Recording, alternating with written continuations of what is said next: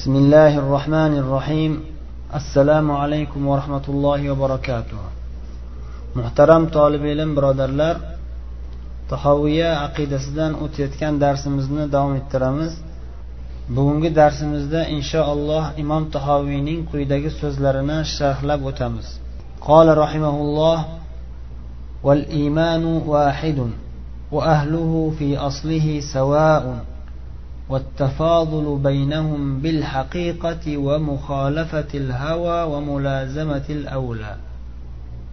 هكذا في بعض النسخ. وفي بعضها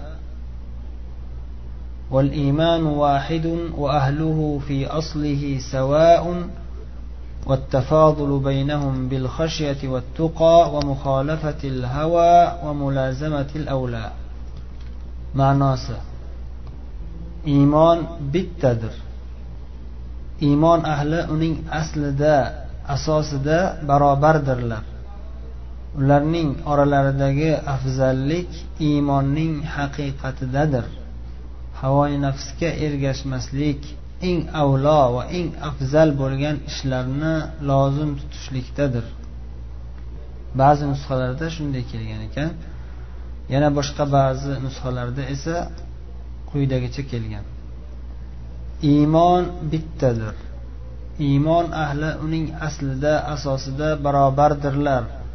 Ularning oralaridagi afzallik ollohdan qo'rqish taqvo qilish havoyi nafsga ergashmaslik eng avlo va eng afzal bo'lgan ishlarni lozim tutishlikdadir. Endi sharhga o'tamiz. Biz iymon masalasini o'tgan darslarimizda qurbimiz yetganicha sharhlab o'tdik. Bugun bu yerda yana ba'zi bir nuqtalarni eslab o'tamiz. Imom tahoviyning bu yerdagi so'zlarida iymon masalasida hanafiy mazhab bilan jumhur ulamolarning mazhablarini bir biriga yaqinlashtirmoqchi bo'layotganlarini ko'rishimiz mumkin. Hanafiy mazhab ulamolari bo'yicha iymon ko'paymaydigan va kamaymaydigan bitta narsa. Qalbda tasdiq etib tilda shahodat keltirish bilan iymon mukammal bo'ladigan bitta narsa. Qolgan narsalar qolgan shar'iy amallar qolgan shar'iy so'zlar bularning hammasi iymon tarkibiga kirmaydi. Iymon taqozo qiladigan narsalar deyiladi. Iymon talab qiladigan so'zlar va amallar deyishadi.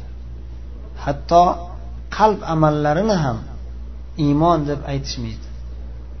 Balki iymon taqozo qiladigan qalbiy amallar deyishadi.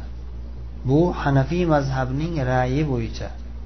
Lekin imom tahoviy rahimaulloh bu ra'yiga atroflicha mukammal suratda qo'shilmaydilar bu ra'yini mukammal suratda qabul qilmaganlar. Imom tahoviy bu yerda hanafiy mazhab ulamolarining ra'ylariga xilof keladigan so'zlarni zikr qilib o'tyaptilar. Masalan aytyaptilarki mo'minlar iymonning aslida asosida barobardirlar. Nima degani bu? Bu degani iymonning asl asosi bor va uning far'i kamolot darajasi bor. Va uning far'i va kamolot darajasi bor. Mo'minlarning hammasi ham iymonning barcha darajalarida barobar emaslar balki iymonning asli asosida barobarlar. Ya'ni hammalari bir qaraganda mo'min hammalari mo'min mo'minlarning hammalarida iymon bor. Shu jihatdan barobarlar. Asli asosida deganlarda ya'ni mana shunday. Iymon borlik jihatidan ha to'g'ri hammalarida iymon bor degan ma'noga yaqin. Lekin hammalarining iymoni hamma tomonlama barobar degani emas. Imom tahoviyning mana bu yerdagi so'zlari mana shunday ma'noni ifoda qiladi. Va bu ma'no jumhur ulamolarning ra'ylariga ma'lum bir darajada yaqin hisoblanadi. Lekin hanafiy mazhab ulamolarining aksariyatlari nima deyishadi? Hanafiy mazhab ulamolarining aksariyatlari aytishadiki iymon bitta narsa. Uning asli kamolot darajasi degan narsa yo'q. Iymonning asli asosi deb ajratmasdan ochiqchasiga barcha mo'minlarning iymoni bab barobar deb aytishadi. Imom tahoviy esa bunday so'zni aytishdan taqvo qilyaptilar. Chunki bu gapdan juda ham xatarli ma'no kelib chiqadi. U ham bo'lsa payg'ambarlarning iymoni bilan fosiq musulmonlarning ham iymoni bir xil. Payg'ambarlarning iymoni qanchalik kuchli bo'lsa fosiq mo'minlarning ham iymoni ana shunday kuchli degan botil va juda xunuk gap kelib chiqadi. Alloh bunday fikrlardan o'zi asrasin. Lekin bu degani hanafiy mazhab ulamolari mana shunday deb ochiq oydin shunday xunuk gap aytishadi degani emas. Ular bundan ham ular ham bundan taqvo qilishadi bunday ochiqchasiga payg'ambarlarning iymoni bilan fosiqlarning iymoni bir xil deyishdan ular ham taqvo qilishadi. Lekin ular bu taqvoni odob jihatidan deb sharhlashadi. Mana shu yerda katta farq bor. Ammo lekin murjia toifalari esa haqiqiy murjialar shu darajada xunuk gaplarni gapirishgacha borishadiki billah ular aytishadi iymon modomiki ziyoda ham bo'lmaydigan noqis ham bo'lmaydigan bitta narsa ekan demak qalbida iymoni borlarning hammasi iymon masalasida bir xil darajada. Hatto ba'zilari davo qiladiki iymani ka jibril mening iymonim jabroil alayhissalomning iymonidek deydi.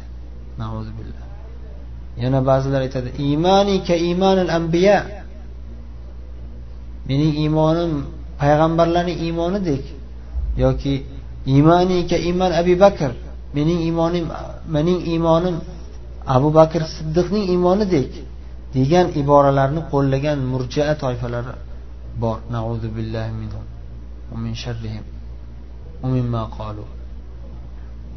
aksar hanafiy ulamolar bunday iboralarni gapirishdan taqvo qilishadi albatta. Chunki bu juda xunuk iboralar. Lekin ular aytishadiki odobsizlik jihatidan taqvo qilamiz deyishadi. Allohu mustaan. Imom tahoviy rahimulloh bu yerda bunday ma'noga olib boradigan iborani umuman qo'llamadilar. Mana shu jihatdan jumhur ulamolarga muvofiq keladilar. Jumhur ulamolarning ra'ylariga yaqinroq iborani iste'mol qilib aytdilarki iymonning aslida asosida barobardirlar. Ammo uning haqiqatida esa bir birlaridan afzalroq bo'lishadi dedilar ba'zi nusxalarga binoan kitobning ba'zi nusxalarida mana shunday kelgan. Mana shunday ma'noda kelgan. Imom ibn abil aziz rahimalloh sharhda ham ushbu ma'noni kuchliroq deb aytganlar. Shu ma'noga binoan imom tahoviy aytmoqchi bo'ladilarki barcha mo'minlar qalbda tasdiq qilishning asl asosida barobarlar. Lekin tasdiqning haqiqatiga qarasangiz ularning oralaridagi farqlarni ko'rasiz. Ba'zi mo'minlarning qalbidagi tasdiqlari boshqalarning tasdiqlaridan kuchliroq bo'ladi.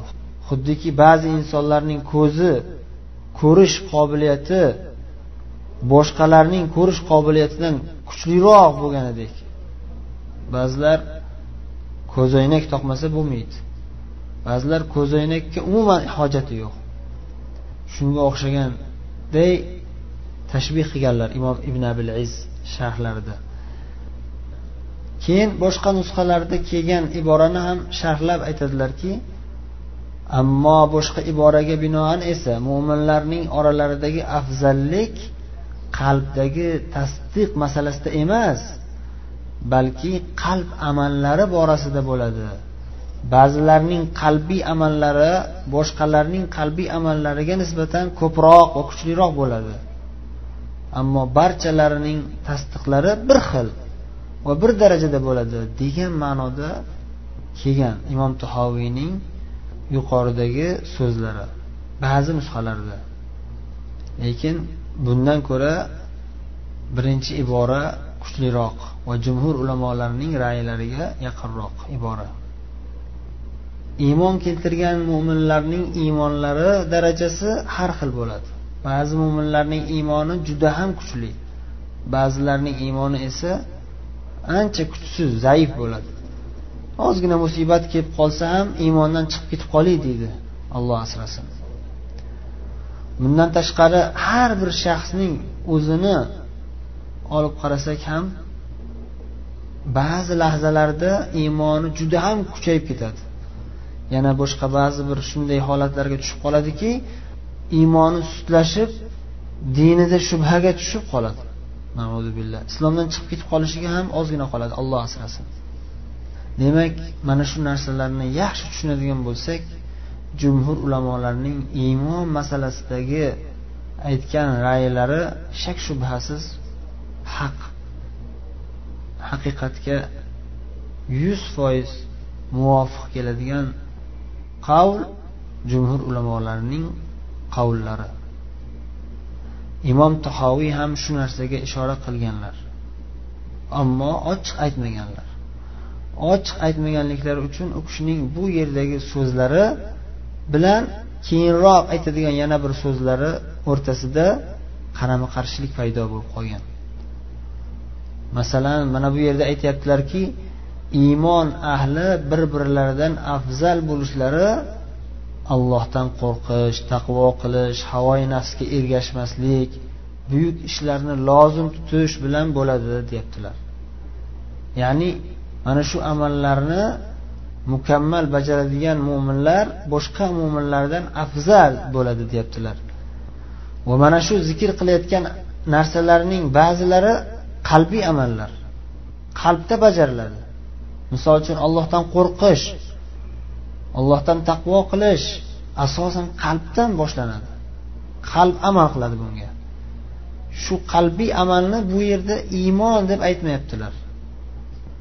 Lekin keyinroq kelgan so'zlarida qalbiy amallardan yana ba'zilarini zikr qilib uni iymon deb aytadilar o'sha yerda. Va uning ziddini kufr va nifoq deb nomlaydilar. Shuning uchun ham sharhda imom ibn abil iz mana shu masalaga mulohaza bildirib aytganlarki ya'ni imom tahoviyning qalbiy amallardan biri muhabbat amalini yaxshi ko'rish amalini iymon deb nomlaganlarini imom ibn abil aziz rahimaulloh zikr qilib aytadilarki sahobalar muhabbatini iymon deb nomlashlari sheyxga muammo bo'ladi. Sheyxga ya'ni imom tahoviyga muammo bo'ladi. Chunki muhabbat qalb amallaridan qalbdagi tasdiq etish masalasidan farqli narsa. Ya'ni yuqoridagi iymon ta'rifida iymon bitta narsa va uning asli asosida mo'minlar barobar dedilar ya'ni tasdiq qilish masalasida. Ya'ni barcha mo'minlar iymon keltirishganda qalblarida tasdiq qilishgan va mana shu tasdiqning aslida barobar deyaptilar. Mana shu tasdiqning asli asosida hamma mo'minlar bir birlari bilan barobar bo'lishadi deyaptilar. Va qalb amallarini bundan ayirayaptilar. Va uni qalb amallarini iymon deb aytmayaptilar yuqoridagi so'zlarida. Lekin keyingi keladigan so'zlarda sahobalarning muhabbati iymondir deb aytadilar. Muhabbat sahobalarning muhabbati iymon deb aytadilar. Shunga o'sha yerda imom ibn abul iz mulohaza bildirib aytadilarki sahobalar muhabbatini iymon deb nomlashlari sheyxga muammo bo'ladi imom tahoviyga muammo bo'ladi. Chunki bu kishi qalb amallarini iymondan hisoblamayaptilar iymon taqozo qiladigan narsa deyaptilar. Muhabbat ham qalb amali. Muhabbat degani bu tasdiq etish degani emas bu bilan tasdiq etish bilan muhabbat orasida farq bor. Iymonni iymon nima desa iymon tasdiq etish deyaptilar. Lekin bu yoqda muhabbat ham iymon deyaptilar. Mana shu jihatdan bir biriga qarama qarshi so'z bo'lib qolyapti. Lekin jumhur ulamolarning raylariga binoan muhabbat ham boshqa qalbiy amallar ham hammasi iymondan hisoblanadi. Tasdiq etish ham hammasi iymondan hisoblanadi. Va hammasi darajasi har xil har bir qalbiy amalni va har bir qalbiy e'tiqodni har xil darajasi bo'ladi. Ya'ni odamlar har xil darajada bo'ladi. Ba'zilarning tasdiq etishi juda ham kuchli ba'zilar zaif zaif tasdiq etishi ha deb iymon keltirdim deb qo'yadi lekin juda kuchli iymon emas u. Tasdig'i juda kuchli emas.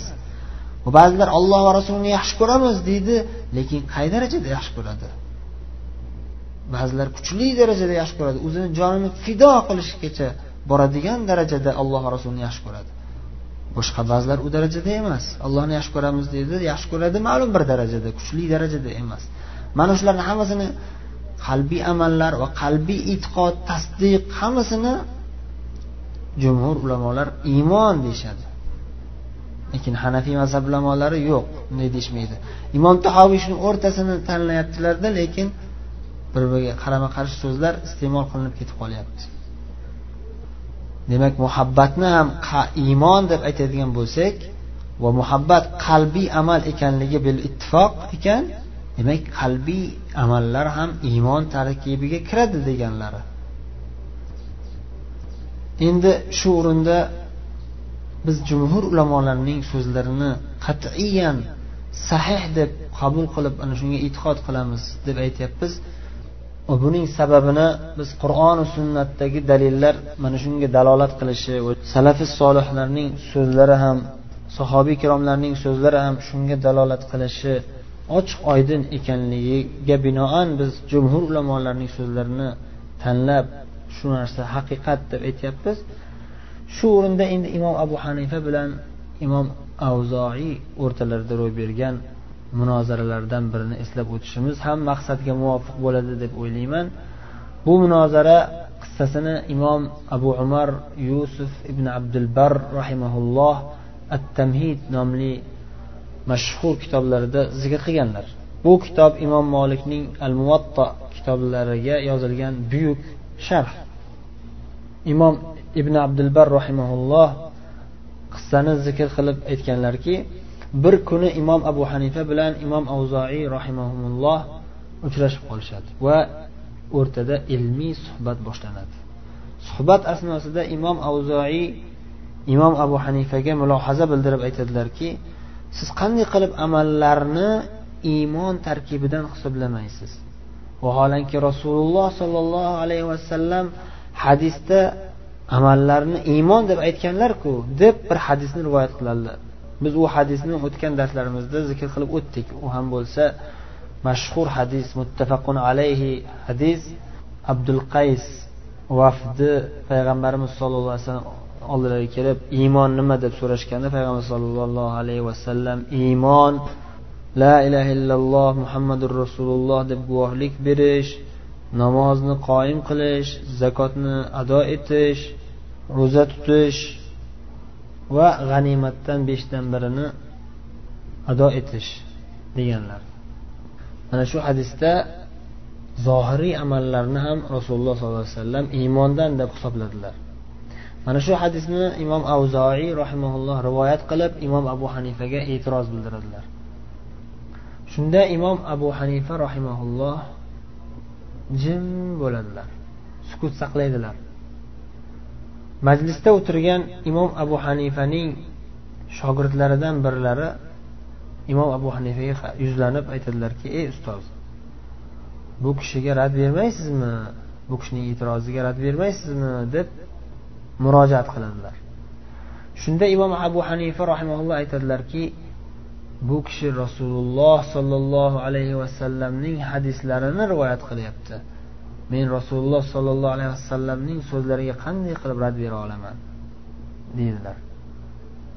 Ushbu qissaga binoan imom abu hanifa rahimaulloh iymon masalasida ham jumhur ulamolarning raylariga qaytganliklari ko'rinadi. Nima bo'lganda ham biz o'tgan darslarimizda ham ko'p ta'kidlaganimizdek hozir yana bir bor eslab o'tishimiz maqsadga muvofiq deb o'ylayman. Chunki bu masalani qayta qayta takrorlashimiz kerak. Eng asosiy masala bu masalada imom abu hanifa ham boshqa imomlar ham barcha barchalari bir ovozdan bil ittifoq hammalari barcha musulmonlar iymon keltirgan masala u ham bo'lsa alloh va rasulining hukmi oldida barchamiz taslim bo'lamiz. Shuning uchun buyuk mazhab imomlaridan bir birlariga yaqin ma'nolarda iboralar rivoyatlar hikmatli so'zlar kelgan. Masalan ida sahhal hadis mazhabiy degan so'z. Hadis modomiki sahih bo'ldimi? Bas ana shu hadis mening mazhabimdir deyishardi. Imom abu hanifa rahimaullohdan rivoyat qilinadiki u kishi aytadilar ma jaa anillahi taala fa'al ras val aynayn. وما جاء عن رسول الله صلى الله عليه وسلم فسمعا وطاعة وما جاء عن الصحابة رضي الله عنهم تخيرنا من أقوالهم ولم نخرج عنهم وما جاء عن التابعين فهم رجال ونحن رجال alloh azza va jalladan alloh subhanahu va taolodan kelgan narsaga biz aytamizki bosh ustiga ikki ko'zimiz ustiga deb aytamiz ya'ni darhol taslim bo'lib qabul qilamiz qur'oni karimda keldimi? Darhol qabul qilamiz. Rasululloh sollallohu alayhi vasallam rasululloh sollallohu alayhi vasallamdan kelgan bo'lsa ham aytamizki eshitdik va albatta itoat ham qildik deb aytamiz.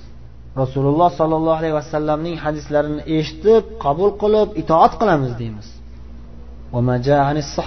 Sahobalardan kelgan rivoyatlarni esa qaraymiz.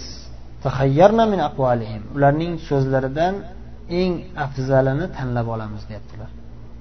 Eng sahih qur'on hadisga eng yaqin so'z deb bilganimizni sahobalarning so'zlarini ichidan tanlab olamiz. sahobalarning so'zlaridan tashqariga chiqmaymiz. Agar qaysiki bir masalada sahobiylardan ma'lum bir rivoyatlar kelgan bo'lsa sahobiylarning rivoyatlarini hammasini qarab chiqamiz eng kuchlisini olamiz deyaptilar. Lekin aslo sahobiylarning so'zlaridan tashqariga chiqmaymiz. Modomiki sahobiylardan shu masalada sahih rivoyatlar kelgan ekan albatta sahobiylarni ichida sahobiylarning doirasida bo'lamiz. Sahobiylarning so'zlarini ichidan chiqmaymiz tashqariga. Albatta qaysidir bir sahobiyni so'zini qabul qilamiz. Sahobiylardan kelgan rivoyatlarni chetga surib qo'ymaymiz aslo. Hech qachon deyaptilar. Ammo tobiinlardan kelgan rivoyatlarga munosabatimiz qanday bo'ladi? Tobiinlardan kelgan rivoyatlarga munosabatimiz shuki tobiinlar buyuk insonlar. Ular ham inson. Lekin biz ham insonmiz. Ya'ni ular ham ulamo bo'lishgan bo'lsa biz ham alhamdulillah olloh bergancha ilmimiz bor bizda ham degan ma'noda aytyaptilar.